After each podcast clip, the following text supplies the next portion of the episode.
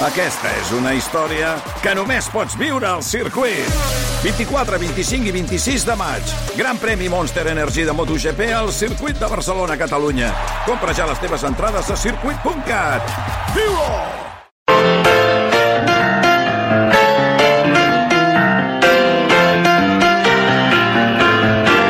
Bon dia, són les 6 i des d'ara i fins les 7. Com sempre, aquí, a la Primera Pedra, en serem molts amb moltes ganes de dir bon dia. La primera pedra, dissabtes i diumenges de 6 a 7 del matí. Amb Noemí Polls. One day in London City, a crew called C2C. They came to rock the party. Say what? Uns bons hàbits normalment ens porten a tenir doncs, eh, les vitamines suficients, l'energia suficient per afrontar el dia, les setmanes. Anabel Fernández és directora de Nutrició de COA. Anabel, molt bon dia. Bon dia. I bons hàbits a vegades ens pensem que és mm, segons què, però després resulta que eh, ens porta a dèficits de segons quines vitamines. Estic parlant del sol, estem en un país del sol, en teoria hauríem de tenir la vitamina D necessària perquè és el sol el que ens la porta i anem tots, escolta'm, escassos amb vitamina D, tenim dèficit tots de vitamina D. Què està passant? Sí, últimament les analítiques de tothom surten bastant baixetes i de fet eh, moltes vegades els, els barems que es posen hi ha molta gent que els considera baixos i pensa que eh, aquesta, aquest barem de 30 eh, nanograms per mil·lilitre és baix i hauria d'estar sobre 50 o sigui, encara estaríem La mesura més. seria això, 50? Com bueno, Quina per, so, per, so, hauríem d'estar per sobre de 30 el que és que molta, moltes persones pensen que hauria d'estar millor al voltant dels 40 o els 50 perquè la vitamina D és una vitamina molt especial, perquè no és com la resta de vitamines, sinó que funciona com una hormona. Llavors, el que fa és que dona senyals a quasi totes les cèl·lules del cos, a tots els òrgans del cos, per dir-ho així. Llavors, moltes vegades pensem, quan pensem en vitamina D, pensem en els ossos, però interfereix en moltes coses. S'està relacionant amb moltíssims processos i pot donar, per exemple, problemes amb, amb una dona embarassada. Si té un dèficit, pot tenir avortament espontani, eh, diabetes gestacional, eh, eh, part prematur, una persona pot, pot tenir més risc de diabetes a qualsevol del carrer, i amb els càncers o, o malalties que són autoimmunes es relacionen amb aquests dèficits de vitamina D, amb la qual cosa, clar, eh, no és només una vitamina, Sí, sí. ja està, que la prenem i està relacionada amb un procés en concret, sinó que està com fent funció en tot el nostre cos. Llavors, per això és tan important que mirem que sigui adequada. Uh -huh. I per què creus que no tenim suficient vitamina D? Perquè abans això, com a mínim, no, o no se sabia o és que no passava. Clar, pot, sí que és veritat que ara es mira més, com sempre, eh, hi ha, hi ha com el doble. Moltes vegades quan mirem moltes malalties diuen "És que està augmentant els casos. Bueno, també es mira més, és veritat. Mhm.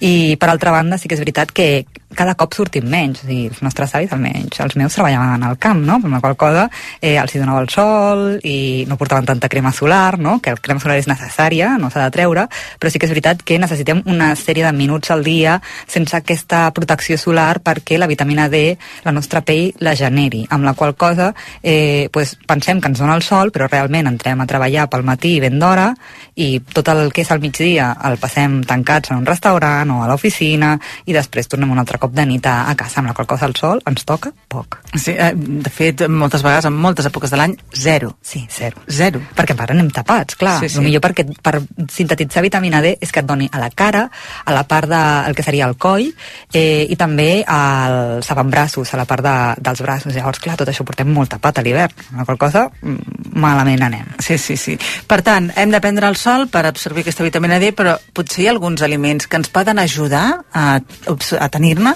Sí, a, veure, a través dels aliments podem fer, els làctics s'emporten, els peixos eh, greixosos s'emporten, i està bé, o sigui, el peix blau, per exemple, emporta vitamina D, però no és suficient. Sempre hem d'anar a aportar a través del sort. De, de fet, molts països que són els països nòrdics tenen eh, suplementada la seva alimentació, igual que aquí tenim la saludada, perquè som, som un país que endèmicament té poc ioda en les nostres terres, eh, aquí no es posa la vitamina D, però allà als països nòrdics moltes vegades estan suplementats. I aquí ja es comença a suplementar, per exemple, els nens petits fins a un any, com la llet materna no porta suficientment vitamina D, se'ls està donant a tots eh, gotetes de vitamina D perquè no hi hagi aquesta carència, perquè hi ha certes persones que tenen més risc, els nens petits, eh, a les persones molt grans, les persones amb problemes digestius, com malalties de Crohn o celiaquia, que tenen més problemes d'absorció, persones amb la pell molt fosca, tenen més mm, eh, problemes de sintetitzar vitamina D. Llavors, està bé mirar-ho, però també hi ha una cosa que hem de tenir tots en compte. Si a tu et surt vitamina D baixa a la teva analítica, no et suplementis per la teva compte vale? perquè aquesta vitamina és eh, una vitamina liposoluble, que vol dir que s'acumula en el greix del nostre cos i per tant no s'elimina. Hi ha altres vitamines que si, te la, si fas vitamina C perquè dius, ah, mira, pel refredat que això ho parlaríem en un altre programa, si vols, ara que estem més cap a l'hivern. Però tu, si fas de més, pues, El que jo dic- elimina el que li sobra. Sí, fas pipi caro, que jo dic, no? O sigui, ja està, no, l'elimines i ja està. Però aquesta s'acumula i llavors pot ser tòxica, amb la qual cosa, si suplementem, sempre d'estar pautat per un professional de la salut i després s'ha de fer una analítica de revisió per veure si hem de continuar o l'hem de deixar, aquesta Per tant, suplementació. podem patir un excés de vitamina D? És a dir, el cos li pot perjudicar tenir-ne en excés? Sí, sí, sí, pot haver una hipervitaminosis i també pot ser perillós, amb la qual cosa és important que això, que ens anem mirant el... Que ens ho regulin. Sí. I amb el cas de vitamina D absorbida pel sol, també pot produir un excés? No, normalment no passa. No. Suplementació, normalment. Per tant, tornem- sí, tornem té al altres problemes, no? Esclar, esclar, un excés eh, de prendre el sol sí que pot ser mm, dolent, però si ho féssim, com deies, 10-15 minuts al dia, Sí, sí, 10-15 Fins i minuts al dia, 20 minuts. a l'hora del migdia, seria l'ideal per poder tenir aquest eh, plus de vitamina D que necessitem, perquè al final la vitamina D l'hem de passar com, pensar com una vitamina especial, que no només ve per la nostra alimentació, sinó que també ve pel sol. I el sol, a més, no només ens aporta vitamina D, sinó que hi ha altres substàncies eh, que, se, que generen per aquest sol, per exemple la melatonina, o hi ha altres substàncies de hormonals que s'estan generant i ens millora l'estat d'ànim i ens millora la regulació dels ritmes circadians, amb la qual cosa no és només que tinguis bé la vitamina D, sinó que el sol és important per nosaltres. de vegades amb la por a patir un càncer de pell, que també hi ha aquest risc, però hem, hem satanitzat el sol Sí. i moltes vegades fins i tot ens provoca ja un rebuig de pensar que qualsevol raig de sol és cancerigen. Mm. I no, si anem amb compte, eh, fins i tot ens pot aportar coses bones. Exacte. Com tota la vida la humanitat ha anat absorbint la vitamina D Exacte. amb ell. Doncs eh, volíem també parlar-ne d'aquest dèficit de vitamina D que jo crec que ens passa a la majoria de població i volíem lluitar-ne. N'hem parat amb l'Anabel Fernández. Moltíssimes gràcies. A tu, Noemi. La primera pedra, dissabtes i diumenges de 6 a 7 del matí.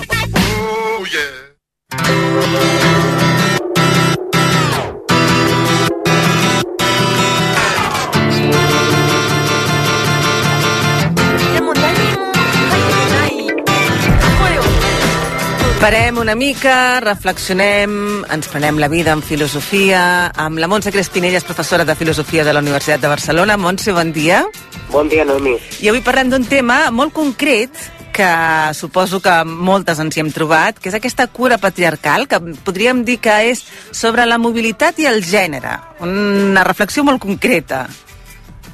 Sí, Noemi, eh, el fet és que vull compartir avui algunes idees i reflexions doncs, eh, en base a una ponència que he hagut de- d'impartir i en particular, Noemi, amb la connexió que podríem fer amb el següent axioma. A veure, L'experiència de les vianants i les conductores Mhm. reflecteix la seva posició social com a dones. ah, Aquest axioma, diguem, ens sintetitzaria el que seria aquesta cura patriarcal. uh -huh. Però m'agradaria, Noemí, que em responguessis a la següent pregunta. Pots indicar-me alguna situació viària, a via pública, al transport públic, o si tu ets conductora, en la qual tu t'hagis sentit tutelada per un home?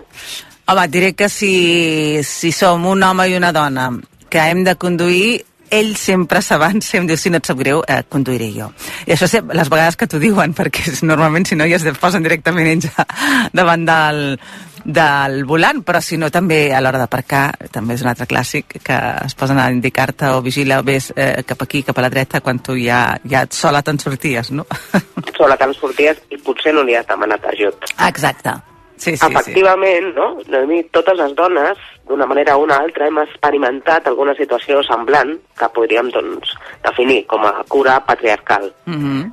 És a dir, una cura que és tutelant perquè ens manté en situació de ser menors i genera dinàmiques de sobreprotecció. Sí, sí. Aquestes pràctiques i polítiques poden ser privades, tu esmentaves unes poques, no? uns pocs exemples, o poden ser públiques. En aquest cas, tenen per objectiu protegir-nos adoptant múltiples formes. Jo, si et sembla, poso ara un exemple. A Eh? veure. És el cas, fixem-nos, de les inclusions de places d'apartament extra grans i senyalitzades amb símbols femenins i el color rosa. Això, sí, fa gràcia, però No, no, és anem a veure, no? sembla, Clar, sí, sí. Això ho podem trobar a la Xina o a Corea del Sud. Però anem a la nostra proximitat. També a Alemanya, a partir dels anys 90, eh, es van posar als aparcaments també espais més il- il·luminats i protegits per a senyores i tot això, jo crec, eh, Noemí, ens fa preguntar-nos per què, per què d'aquesta tutela patriarcal. Uh -huh. Són accions ambivalents, perquè d'una banda es reserven espais més il·luminats i protegits perquè es vol protegir vol protegir-nos a les dones d'agressions, per exemple, sexuals. Sí, sí. I a priori ens tranquil·litza saber que existeixen perquè fan la sensació de disposar no? d'una millor protecció. Però de l'altra, jo crec, eh, no sé si estaràs d'acord, que es deixa de banda el que és el problema principal, que les dones assumim que hi ha llocs on no podem anar lliurement i on s'incrementen els riscos contra la nostra integritat. Sí, sí, és com una arma de doble fil, no? Per una banda et sents més protegida, però per l'altra penses és ben trist que sigui tan evident que estem desprotegides, no? I tant. Mhm. I clar, aquesta ambivalència de la tutela patriarcal o aquesta cura patriarcal és digna de reflexió, perquè d'una banda pot mantenir sense tocar el, el que és el sexisme, Mhm. i de l'altra jo crec que et deixa sense gestionar i operar sobre el que, el que seria no? el fons de l'assumpte. Per què una dona, per què les dones no ens sentim igual de lliures que els homes en certs espais viaris? Uh -huh. I després, no, una altra pregunta, es pot fer alguna cosa per trencar aquesta espiral que ens manté a les dones sota aquesta sensació d'intimidació i de por per als espais públics? Sí, sí. Són les dues grans preguntes, sí, i que ens Sí. porten a pensar que hi ha molt a fer. Hi ha molt a fer, efectivament, i des de la filosofia política, la teoria feminista s'està pensant, però també, evidentment, des de les institucions. Sí, senyor, doncs amb aquesta reflexió ens quedem, eh, Montse. Fantàstic. I, I seguirem parlant d'altres temes filosòfics. Ens prendrem la vida en filosofia, sí senyor. Moltes gràcies. A tu, Noemí. La primera pedra, dissabtes i diumenges de 6 a 7 del matí, amb Noemí Polls.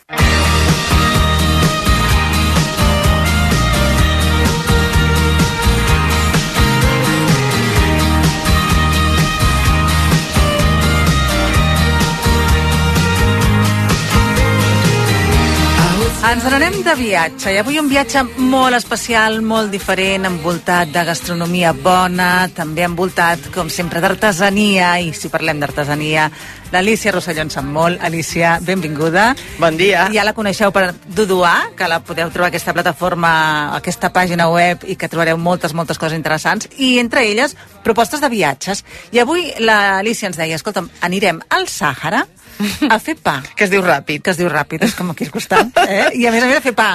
Clar, és que el, o sigui, el Marroc és un país que està al costat, eh, però gastronòmicament el coneixem molt poc, i el pa al Marroc és totalment diferent al pa d'aquí, i per ells el pa és tot. O sigui, sense pa, o sigui, el pa és la seva forquilla i el seu tovalló. I tot, és tot. Tot, tot, tot. Llavors, bo, eh, és el pa veritat. allà és molt, mo- és molt planet, no, no puja tant com el d'aquí, i jo, bueno, fa molts anys que organitzo viatges allà, a Marroc, per aprendre amb artesans i artesanes, amb talleres nòmades, que és el, com el nom de l'agència que tinc de viatges, però vaig dir, això del pa, aquí, o sigui, a part de que en realitat a quasi...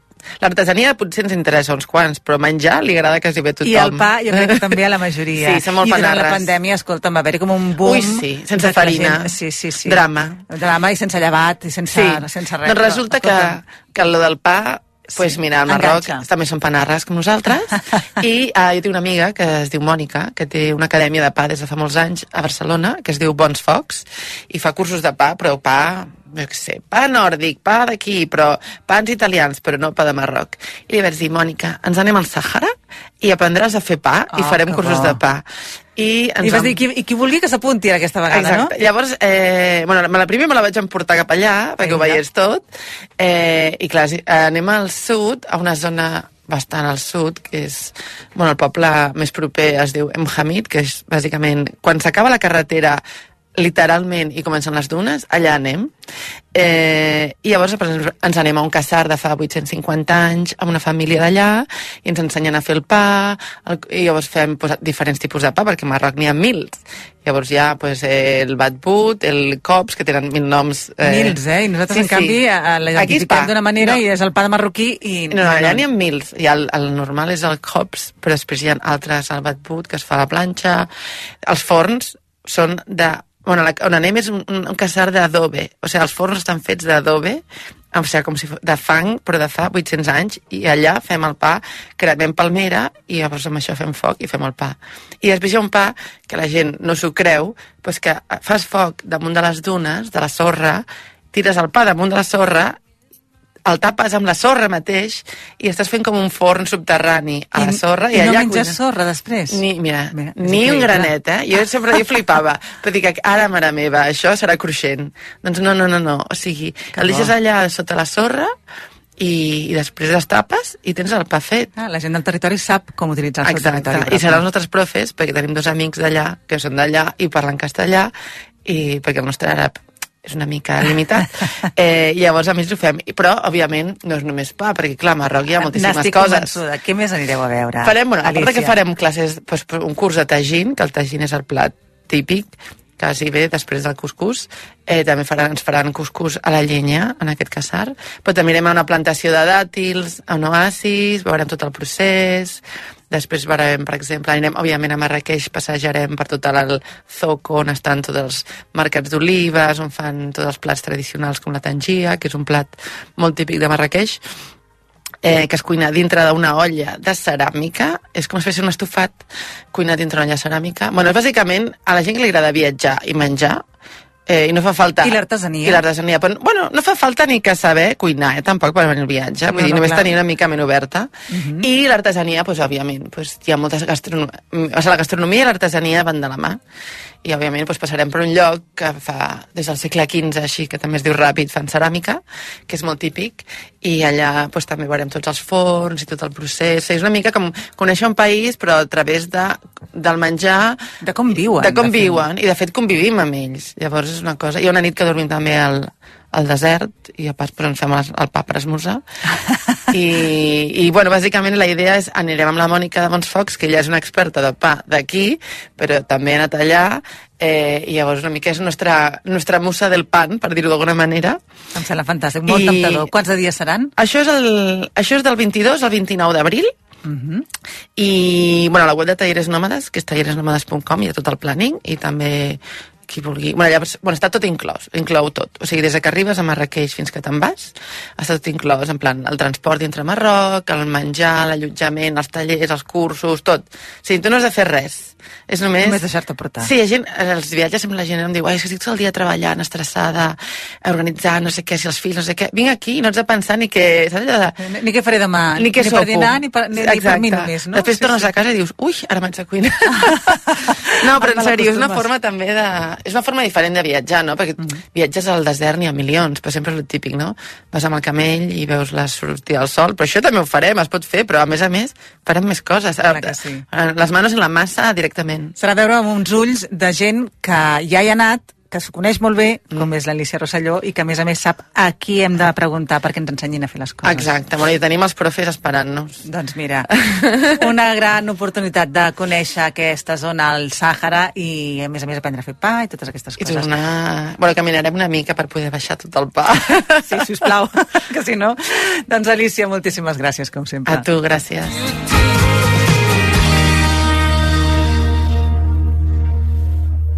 La primera pedra. I mentre preparem viatges pels dies de vacances que han de venir, volem gaudir del camí i en Jordi Margarit ens fa una proposta per fer una sortida a casa nostra.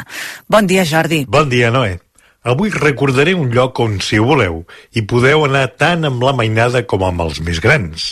A uns els durà records, d'altres descobriran indrets que la tradició ha convertit en populars. Uns i altres xalaran.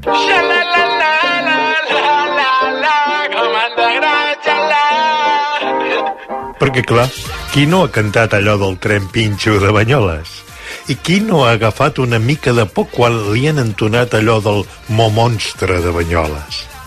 Tot i que aquest darrer sempre ha tingut la gran competència del Nessi escocès, igualment ha fet perdre moltes hores esperant veure'l. Efectivament, som al costat del llac de Banyoles i qui no hi hagi estat ja tarda. La passejada entorn de la vorera, plena d'arbres del bosc de Ribera, és eternament agraïda. Hi ha moltes maneres de xalar. Caminar i deixar que els ulls s'omplin de placidesa i de colors n'és una de molt especial. Però n'hi ha més.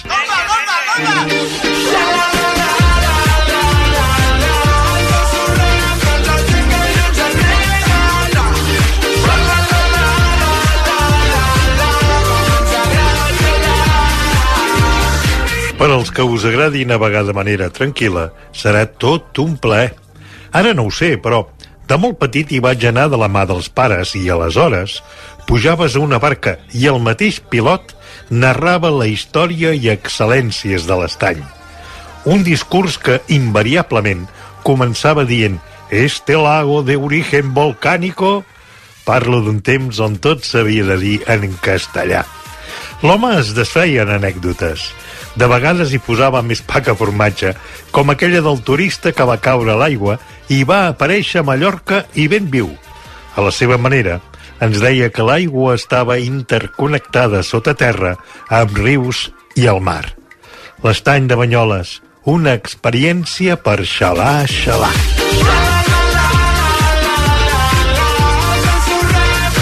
La primera pedra, amb Noemí Polls.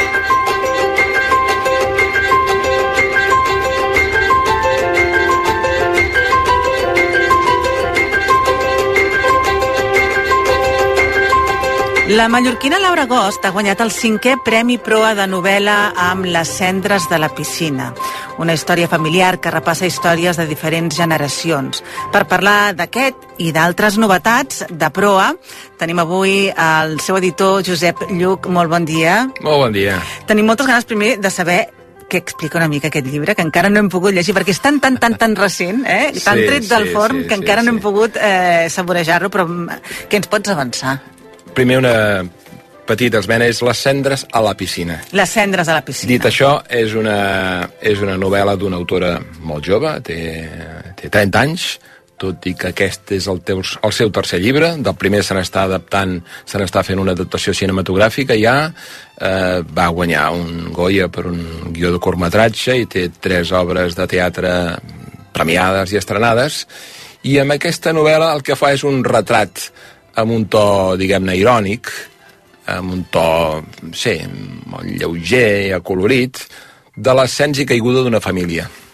Ella va dir el dia que va recollir el premi que, de fet, aquesta novel·la, aquesta novel·la l'havia anat escrivint a mesura que els seus avis s'anaven acostant a la mort. De fet, es van morir durant la durant l'escriptura de la novel·la.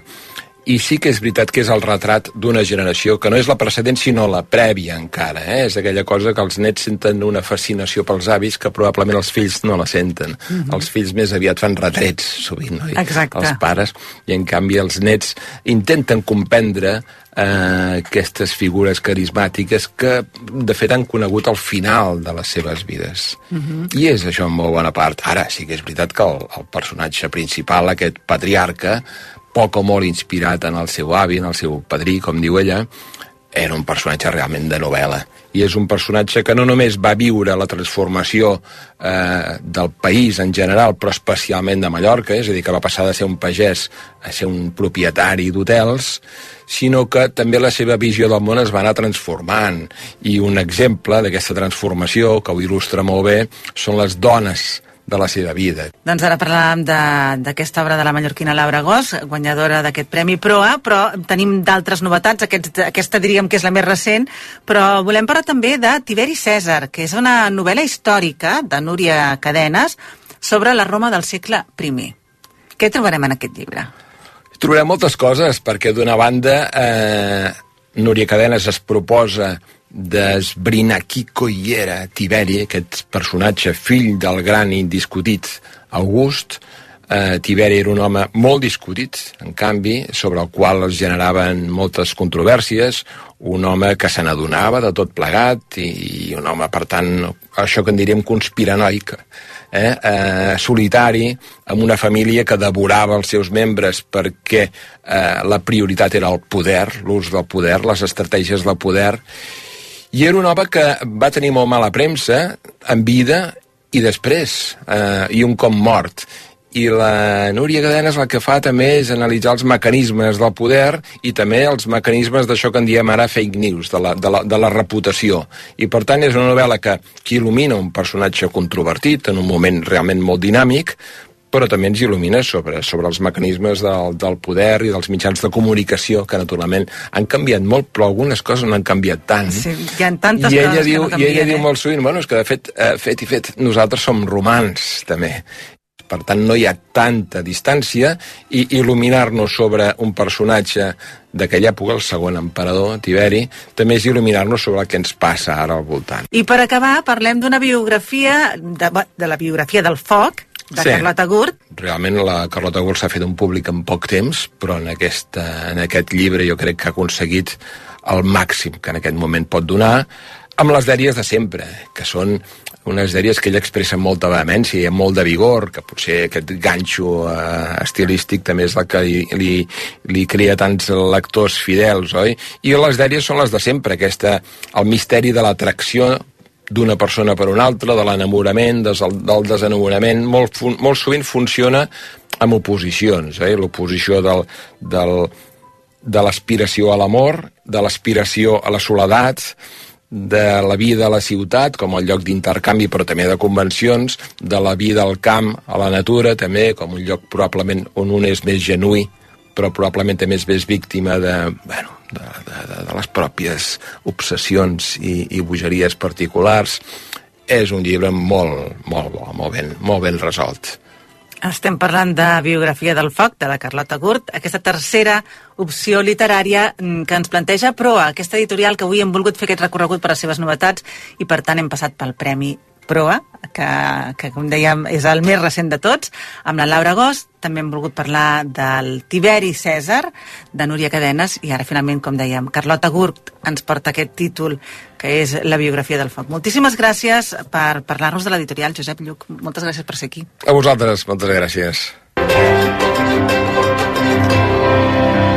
La primera pedra, dissabtes i diumenges de 6 a 7 del matí, amb Noemí Polls.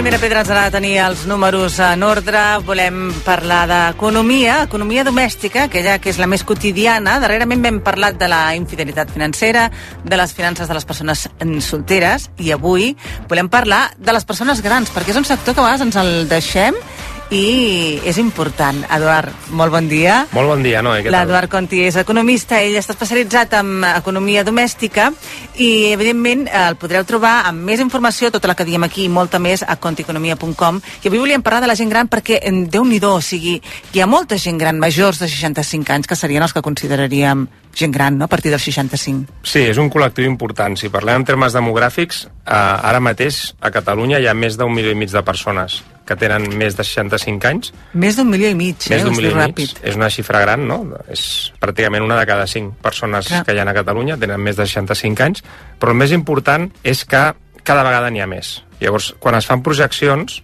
de cara a l'any 2030 a Catalunya n'hi haurà pràcticament 2 milions, 2030, el 2040 ja passaran dels 2,2 milions i el 2050 2,5 milions. déu nhi Eh? O sigui, estem envellint la població una mica. Totalment, o sigui, aquí també, evidentment, aquí conflueixen molts factors, no?, com la baixa natalitat, però també l'augment de l'esperança de vida. O sigui, aquí també un tema molt, molt important és que ara mateix, en aquests moments, l'esperança de vida se situa en 83 anys. És molt alt. Són gairebé 86 anys en el cas de les dones i gairebé 81 en el cas dels homes. El nostre país és el quart amb la major esperança de vida del món. Del món, després de Japó, Suïssa i Corea del Sur. I Podríem nosaltres. dir que és una bona notícia, però, és clar, a, a vegades no tenir una bona situació econòmica pot fer que aquest envelliment sigui Clar. molt dur, sigui molt difícil. Sí, totalment. Això, això és un factor que s'ha de tenir en compte, no? El, si mirem la situació econòmica de les persones grans, el primer que veiem és que el principal ingrés són les pensions. Quina és la situació de les pensions en aquest moment? Doncs amb les, amb les dades més recents, les pensions contributives de jubilació, que són les més nombroses, són les de les persones que han treballat i després de jubilar-se comencen a cobrar aquesta pensió en relació al que han cotitzat al llarg de la vida. Ara mateix a Catalunya hi ha pràcticament 1.200.000 persones que estan cobra- cobrant una pensió contributiva de jubilació i la pensió mitjana és de 1.400 euros. No està, no està malament si tenim en compte que el salari mínim és de 1.080. És a dir, la pensió aquesta mitjana està per sobre del salari mitjà. Això són les de les contributives de jubilació. Després hi han prop de 400.000 persones avui en dia a Catalunya que estan cobrant 867 euros per una pensió de viudetat, de mitjana.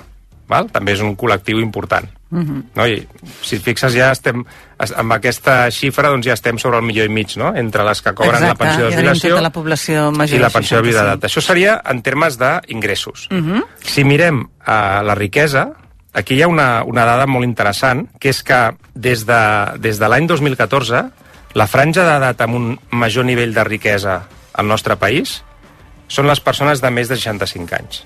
Eh? Fins al 2014 hi havia una franja que era, havia estat durant molt temps la més rica, que era la que tenien entre 55 i 64, no? que tenia sentit perquè és com... El, Eren els actius, diguem-ne. el, el, els actius, i, i, i era una època o, o un temps no, que jo crec que està passant que, que la vida laboral tu pujaves una escala i a dalt de l'escala és quan cobraves més diners, no? I era quan tenies entre aquests, superaves els ci- 55 anys, et faltaven 10 anys per jubilar-te, doncs és quan s'arribaven a aquest màxim salarial i, per tant, per aquest motiu, fins a l'any 2014, les persones més riques eren aquesta franja, no?, de, de 55 a 64. Des del 2014, els més rics són les persones que ja no estan treballant, curiosament, no? Mhm. Llavors, aquesta riquesa respon sobretot al valor dels immobles, de les propietats.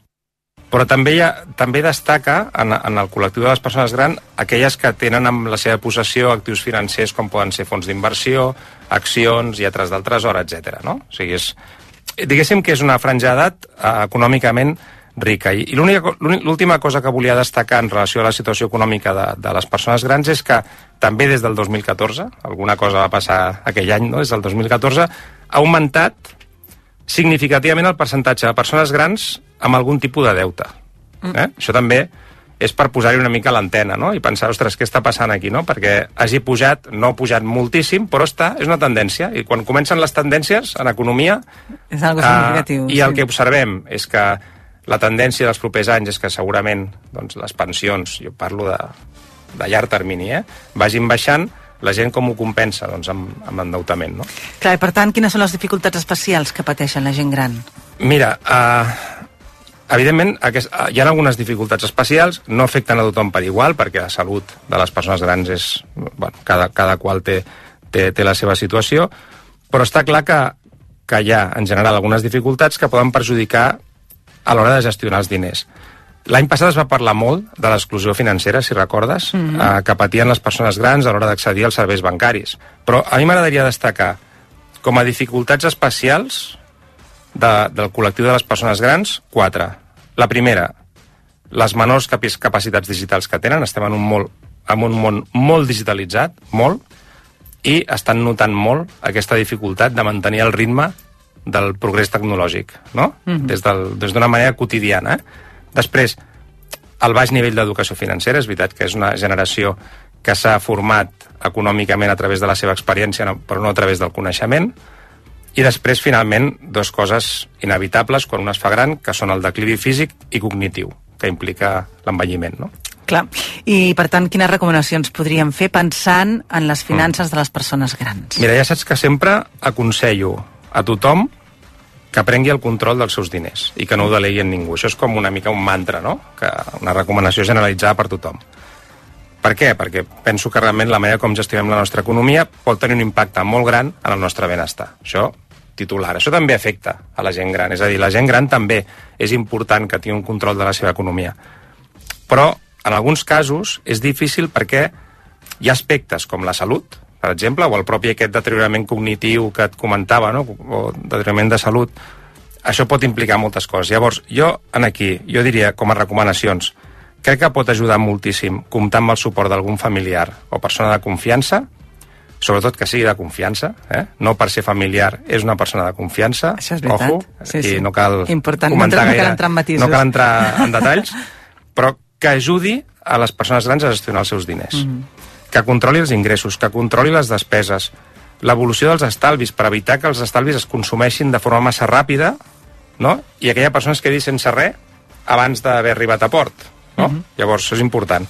Després, també ajudar a fer tràmits i operacions que plantegin dificultats. Um, fer un seguiment dels moviments bancaris de la persona gran. Eh? Això pot ajudar molt a reduir el risc de moviments sospitosos i possibles fraus i estafes. S'està parlant molt de ciberseguretat, molt, i molt de com afecta la gent gran, però massa poc de com persones properes a la gent gran s'aprofiten del seu deteriorament Mm. físic i cognitiu per obtenir petites o grans sumes de diners. Sí, sí. I, I és un tema alerta. important. Llavors, mm, acompanyem-les, eh? no les deixem soles perquè són molt vulnerables. Mhm. Després, jo, un tema ja, mm, rematar una mica el tema de recomanacions. Uh, la ciberseguretat realment és un tema, i les estafes. Llavors, la gent gran que no faciliti a persones desconegudes informació personal, números de telèfon, dades bancàries o números de targeta de crèdit. Són, estan molt exposats i, per tant, han de tenir, en, guàrdia, en guàrdia. Sobretot, vull subratllar la importància de que acompanyem a les persones grans en la gestió dels seus diners. Quan són els nostres pares és més evident que ho hem de fer, encara que no sempre es fa, però seria més evident. Però altres vegades hi ha persones sense família propera que també coneixem, que són molt vulnerables en aquest sentit, si les identifiquem, les podem intentar ajudar. Mhm. Doncs molt important estar, estar al costat de la gent gran quan, eh, sobretot, ja eh, han de fer gestions econòmiques i que es poden trobar sols en situacions molt i molt difícils. Doncs, com sempre, Eduard, estat un plaer. Moltes gràcies. La primera pedra, dissabtes i diumenges de 6 a 7 del matí.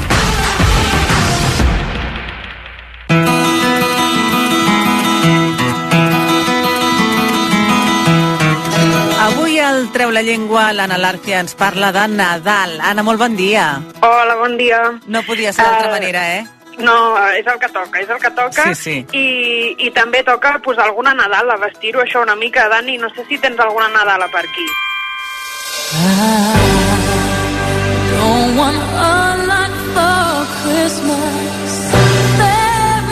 Ara one sí, eh? Ara sí, ara és- sí. És la Nadala per excel·lència. All I Want for Christmas de Mariah Carey. Segur que fa setmanes que la sentiu a les botigues, al carrer, a la tele, a la ràdio, eh? que A ja no us la podeu treure del cap, a tot Sí. arreu. Doncs avui venim a demostrar que també es pot gau- gaudir d'aquesta cançó en català. Home, I us porto quatre adaptacions al català de, de la Nadala uh, All I Want for Christmas i mm, que demostren que, evidentment, la podem cantar en català i també que tothom pot cantar. I us proposo mm, que, les, que les anem analitzant i, i que voteu quina és la que us agrada més. No sé si podríem fer un concurs a Twitter, no, eh, o I alguna tant, cosa perquè sí, la gent senyor. participi. Sí, senyor. Si ara la gent entra a Twitter, ja veurà que hi ha la proposta de les versions que tu doncs, explicaràs ara i poden triar una d'elles simplement responent en aquest Twitter. O sigui que ja està tot preparat. Perfecte, doncs comencem. I, i atenció perquè jutjarem com canten, que ja us avanço que mm, és igual. Uh, I també uh, jutjarem com han adaptat la lletra. La candidata número 1 és la Mire i ens canta Ets tot el que vull per Nadal. No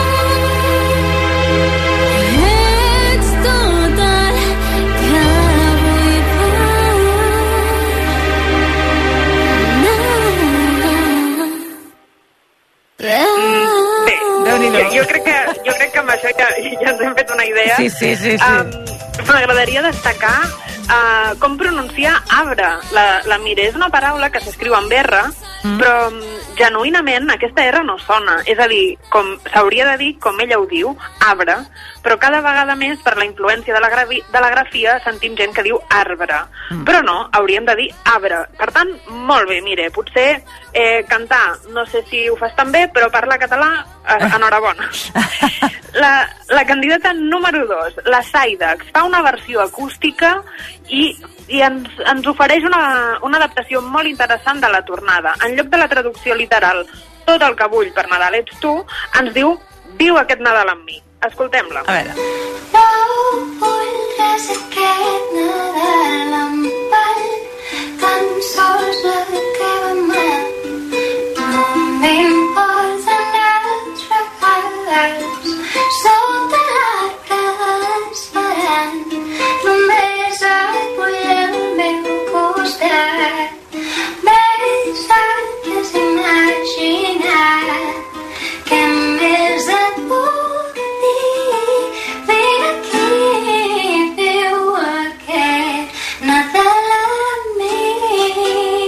Una nova versió, sí, sí. No està malament. Què No està malament, m'agrada, m'agrada. Sí, sí, sí, déu-n'hi-do, m'ha sorprès. Va, sí, és original, és original.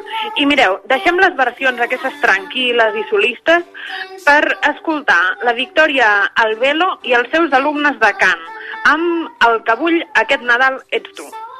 No vull massa aquest Nadal.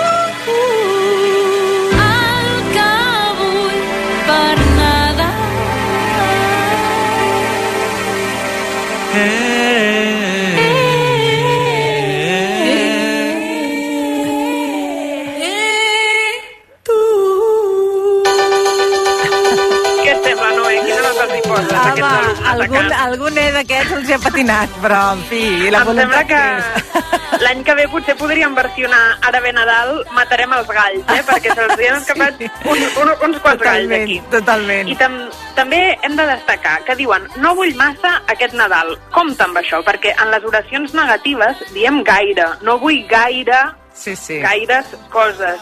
També s'ha de, de vigilar perquè el quantificador Mm. ha d'acompanyar un nom. Per tant, no, no diríem no vull gaire. Mhm. Gaire què? Ens falta saber quina cosa, no? Doncs no vull gaires coses, no vull gaires regals, ho hem d'especificar. Mhm. Va, i la candidata número 4, aquest noi potser us sona perquè el va descobrir el Marc Bala al versió RAC1, és el Toni Pardo Orti i és un gran amant de l'amic invisible. Jo no vull molt per les festes, però sí sé que és el que vull. I quan arriba el novembre, amic invisible és el que vull. I ara que ja ho sabeu, la nit sencera reserveu. Ompliu el meu desig jo el que vull per festes és l'amic. L'amic, no sé si ho aguantarà això, l'amic. Què et sembla, Noé? A tu t'agrada fer l'amic invisible? Home, a mi m'agrada fer l'amic invisible i tot el que siguin festes i regals i tot això, però clar, potser acompanyat amb una mica més de to.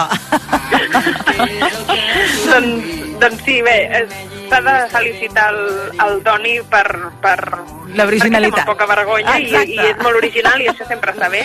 I també té un altre punt positiu, i és que pronuncia el pronom que amb neutre, que és com li toca pel seu parlar oriental. No Sí, diu allò de senyor. el que vull, No, diu no, el que, el vull. que vull. Per tant, felicitats, Toni. Sí, sí. Escolta'm, i si et sembla, repassem les candidates per la gent que vulgui votar la seva versió preferida de Twitter a la primera pedra, és a dir, primera pedra.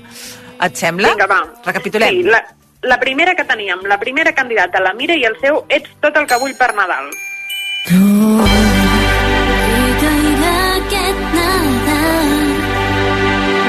Només vull un sol regal. Va, Aquesta és la Mire i després ve... La Mire. Després tenim la Sidex amb la seva versió Vine aquí i viu aquest Nadal amb mi. Voldràs aquest Nadal amb pal, Aquesta és la Saidaix i ara la Victòria, la no? candidata 3, la Victòria i els seus alumnes de cant. No, vull massa aquest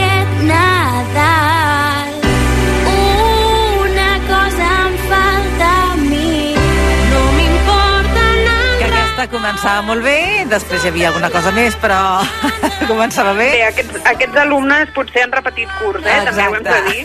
I, i després el, el candidat número 4, que és el Toni, amb Jo el que vull per festes és l'amic.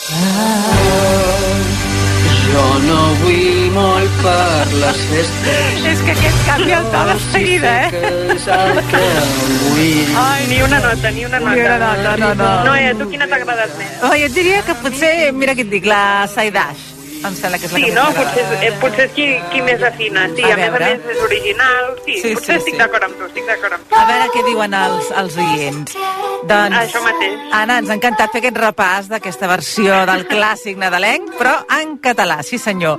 O sigui que un plaer. Anna, que vagi molt bé, que tinguis un bon Nadal, tu també. Igualment, bon Nadal. Un petó. Aquest Nadal, aquest Nadal,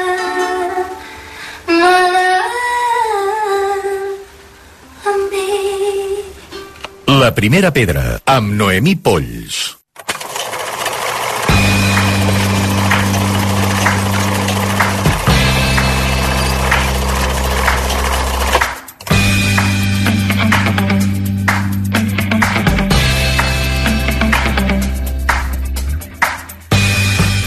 Cinema, Joan Maria Morros, bon dia. Bon dia. Uh, mira, portem uns dies que, que són pel·lícules molt bones per veure en cinema. Sí. I, I aquesta d'avui també, eh? Gran pantalla. També, gran pantalla. Sí.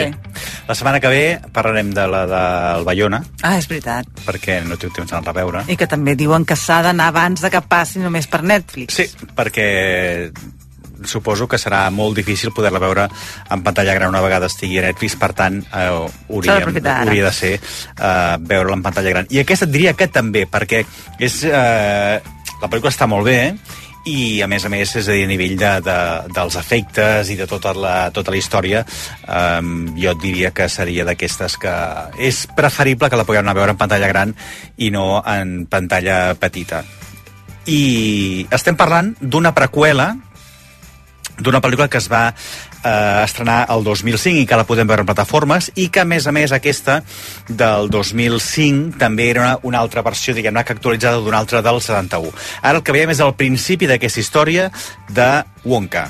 I've spent the past seven years traveling the world perfecting my craft. You see, I'm something of a magician, inventor, and chocolate maker. So quiet up and listen down. Nope, scratch that. Reverse it. Mr. Wonka, I can see you're a man of great ingenuity. What are you doing? I'm making chocolate, of course. How do I you... aquest que estem escoltant, el personatge principal, que surt gairebé al 100% de la, de la pel·lícula, o, mm, o no per gairebé, sinó que surt tota la pel·lícula d'ell, és el Timothée Chalamet, que fa aquest personatge de Willy Wonka quan eh, comença la seva, la seva història quan es comença a dedicar al món de la, de la xocolata i totes les dificultats que té per poder fer-se, diguem-ne, un lloc entre aquest monopoli tan bèstia que tenen tres grans empreses de xocolata en aquesta, en aquesta ciutat on, on està. Ell és el personatge principal i absolut, el que passa, i a més a més, és a dir, canta, balla, molt bé, molt bé. És que la pel·lícula t'haig de dir que és molt bona, eh? Sí, oi? Sí. A més fa molt sí, sí, i aquests val, dies, i eh? val molt... Sí, el que passa que tampoc no... No podem esperar gaire. Sí, Ah. dic que tampoc... No et deixo acabar. No, no, És veritat, va, ja callo. D'acord. Um, no és tampoc per anar-hi amb els més petits a casa. Ara, val. Saps què vull dir? Sí. Però sí, sí que jo diria que és bastant adequada per aquestes, per aquestes dates. Timothée Chalamet com a Willy Wonka, molt bé, és a dir, no m'assenyaria gens que tinguéssim aquí en nominacions als, a, a les categories a la categoria de millor actor, als Oscars. A més a més, també el Hugh Grant, que fa un, un personatge molt divertit, que és l'Umpa Lumpa. També surt el Kicker Michael Kay. Rowan Atkinson, Mm -hmm. És a dir, l'Escorça Negra, que també surt, o Mr. Bean, que també fa un paper, diguem que bastant divertit, Sally Hawkins, Olivia Colman, que realment impressiona molt el primer moment en què surt allà en imatge i el Matt Lucas. I bàsicament és això, és a dir, el que, el, el que t'explicava. Um, ell està començant, en Willy Wonka, a donar-se a conèixer i explicar quines són totes les seves creacions de xocolata. Ara, surts amb unes ganes de menjar xocolata després d'aquesta Això pel·lícula. t'anava a dir, mira cap al Sí. carrer Petritxol, si la veieu a És a dir, Barcelona. jo diria que si a les afores del cinema hi hagués hagut, o sortint res, només a, a, a la sala, hi hagués hagut una... Xocolateria? de- Sí. Allà ens hi Sí, sí, tots. sí, sí, exacte. Oh, O si en que bo. aquell moment hi hagués hagut, com, això com passava abans, que, en, en, per exemple, en, en els caps de futbol, saps que passaven a vendre? Sí. Doncs eh, sí, cosa que és millor que Escolta'm. no passi al cinema. No, clar. Però, és dir, que, que, que sigui mitja sessió. Però si arriba a passar algun en aquell moment per vendre una xocolatina, escolta'm, Mira, doncs et fas el pla eh, sencer. Te Vas al l'emportes ja directament. No, vas al cinema i després a una xocolateria. Però és que és en aquell moment, Ah. és a dir, t'agafa la dèria en aquell moment. Ja, Filla, bueno, no, doncs no, sé què dir-te. No, doncs no, no, no, ens en portarem un trosset de xocolata que no el vegi Sí, ningú. exacte. O, no, o que et vegin, perquè, escolta, és a dir, su, Sí. segur que faràs menys soroll que, Que a vegades altres. amb moltes crispetes i, Ja raó. i, i begudes. Uh, recordem que si volem veure uh, diguem-ne que la continuació d'aquesta història ens n'hem d'anar a la pel·li del 2005 que està Prime, que és Charlie i la fàbrica de xocolate amb Johnny Depp fent el paper de, de Willy Wonka i si volem veure al principi de tot aleshores ens n'hem d'anar a la pel·lícula del 71 Sí. amb el Gene Wilder que està a Filmin Willy Wonka and the Chocolate Factory uh, No tenim excusa. no. I el que passa que, clar, si veus el del 71 i després veus l'evolució del, dos, del 2005, però aquesta, on els efectes són eh, realment molt, molt, molt importants, clar, veuràs el, el que ha evolucionat el cinema en 52 anys, 53 anys. Segur. Però vaja, tens el pack, el pack recomanable. Primer el cinema i després, si vols, aquestes dues pel·lícules. I demà no ens veurem de casa, eh? Demà no, i no és tan, no és tan divertida la història que explica la sèrie que veurem demà, sinó que ens posem, diguem que bastant més seriosos, Doncs va. si et sembla. Però això serà demà. Això serà demà. Que vagi molt bé. Adéu.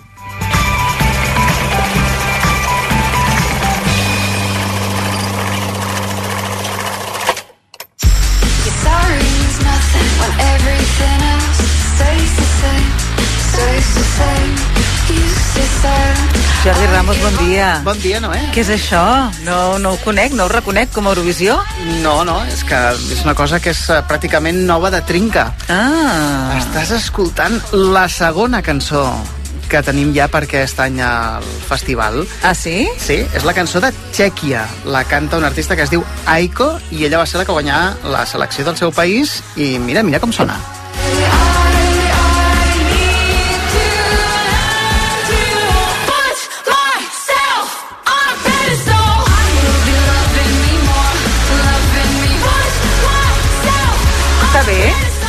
sé massa com quedarà això amb No, l'escenari. no, jo no la veig, eh, com les primeres, però... No estaran gaire bé les, enque No, les apostes. que- Bueno, només tenim dues cançons, eh? Ja. Però si veus el rànquing, va estar a la 26 ara mateix. La Ja. número 1, per cert, és Israel. Ah. Que deixa'm que et digui que van publicar a la llista de països que participaran al festival i Israel hi surt. Mm, I això està ja generant una mica normal. Però bé, ja veurem com anirà, Exacte. ja veurem Seguirem com passarà, perquè et vull parlar d'una altra coseta, que és que parlant de seleccions de països, aquesta setmana començava precisament doncs, la, la nostra la selecció de televisió espanyola perquè ja tenim les cançons del Benidorm Fest.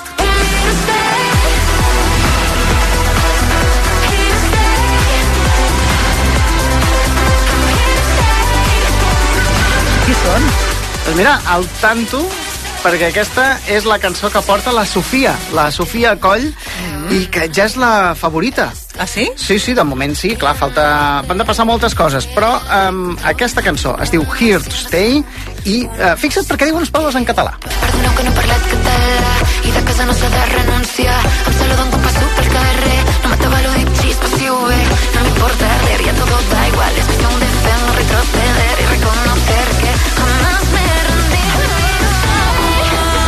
Està bé, es disculpa per no parlar català, eh? Sí, una mica, però bé, en qualsevol cas eh, ho fa valer, que també està molt bé, podria Sí, no fer-ho. sí, sí, sí. I jo la veritat és que, mira, la cançó m'encanta. A veure, a veure. I li veig un potencial tremendo. És bailonga, és sí, bailonga. Sí, home, això jo crec que l'escenari pot ser brutal. Ella diu que és una cosa reflexiva, sobre confiar en el teu camí de la vida, una cosa així de l'autoestima, que em sembla estupendo. Sona pop, eh, urbà, electrònic, i eh, atenció perquè és el que et deia, no? Ara mateix és favorita. Eh, falta molt, però és que ella ja es veu a Malmo. Sí, evidentment, amb més Eurovisió i em faria moltíssima il·lusió. La veritat que seria una anècdota molt divertida i a mi molt de gust. Tant de bo passi.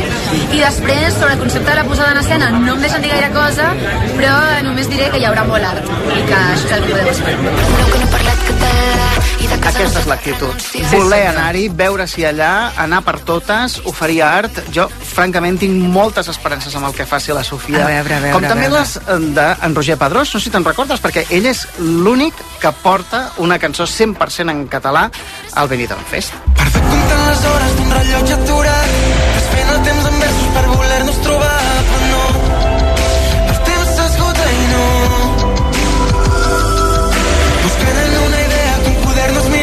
més melòdic, Sí, et menys porta un bailongo. tema a piano, eh, es diu a temps, i parla sobretot de les relacions sentimentals que duran tota la vida. Ja siguin d'amor, ja siguin familiars, és una cosa així més sentimental, intimista, i segons ell més aviat sincera. Jo penso que la meva cançó el que té és honestitat. O sigui, és una cançó real, que neix d'una cosa que vull explicar i que vull compartir, que és molt jo. I de fet, avui en dia crec que ja és molt complicat exposar-se i ser tu mateix, no? Hi ha moltes façanes, moltes coses, i justament ser real crec que és això. I si ens fiquem a nivell eh, més eurovisiu, crec que, què crec que pot seduir Europa?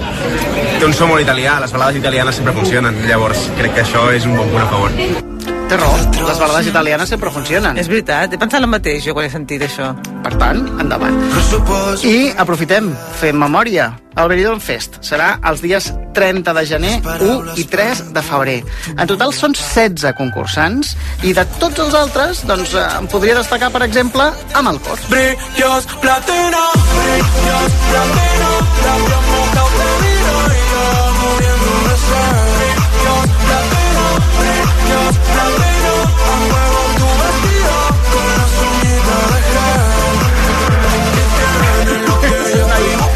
alacantí, porta el rotllo urbà per primera vegada al Benidorm Fest, pot fer bastant mal, i bé, n'hi ha d'altres, per exemple, hi havia molta expectativa a veure què portava Maria Pelay.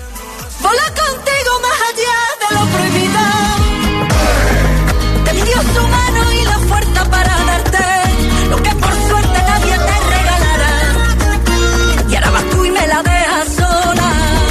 Flamenquito, però Sí. no funciona normalment a Eurovisió. Jo no sé si després de Blanca Paloma hauria de Sí, tornar a la portar flamenc a que la també és l'altre referent que tenim. Ja, jo crec que ha quedat bastant demostrat, Ai, no. però escolta'm, sobre gustos no hi ha res escrit. No, no, a mi m'agrada el flamenquillo, però jo crec que Eurovisió no és el seu lloc.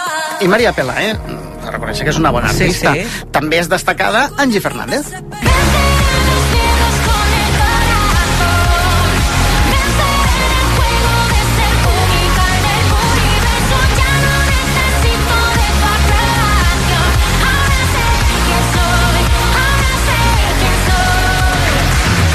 Que no sé si la reconeixes, però ja és molt coneguda. Va sortir de petita física o química, ha participat a Talents, va estar tocant a Me Suena, i aquí va va del rotllo rockero.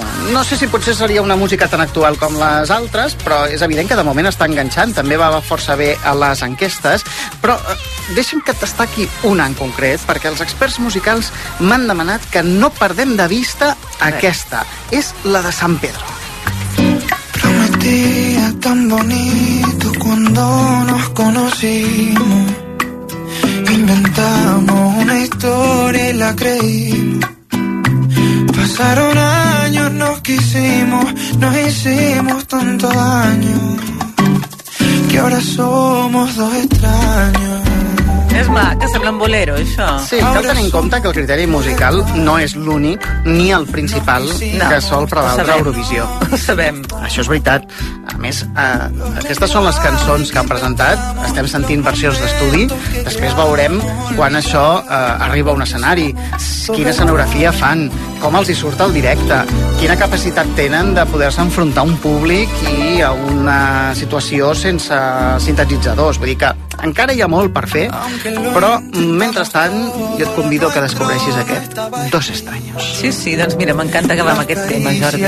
Ah, veurem què passa a Benidorm i veurem què passa amb Eurovisió. Sí, Actualitat constant, eh? Home, és que aquest any ja t'ho he dit molts cops, és apassionant. Sí, sí, sí. Doncs aquí estarem. Adéu-siau. Adéu, bon dia. Que ahora somos dos extraños. Ahora somos dos extraños. Nos quisimos, también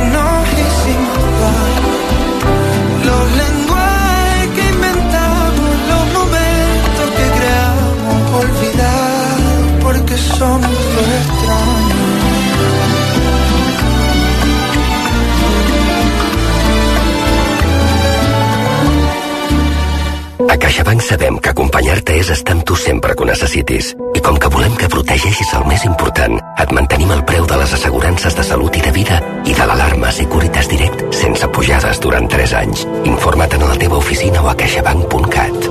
CaixaBank. Tu i jo, nosaltres. S'aplica les assegurances MyBox.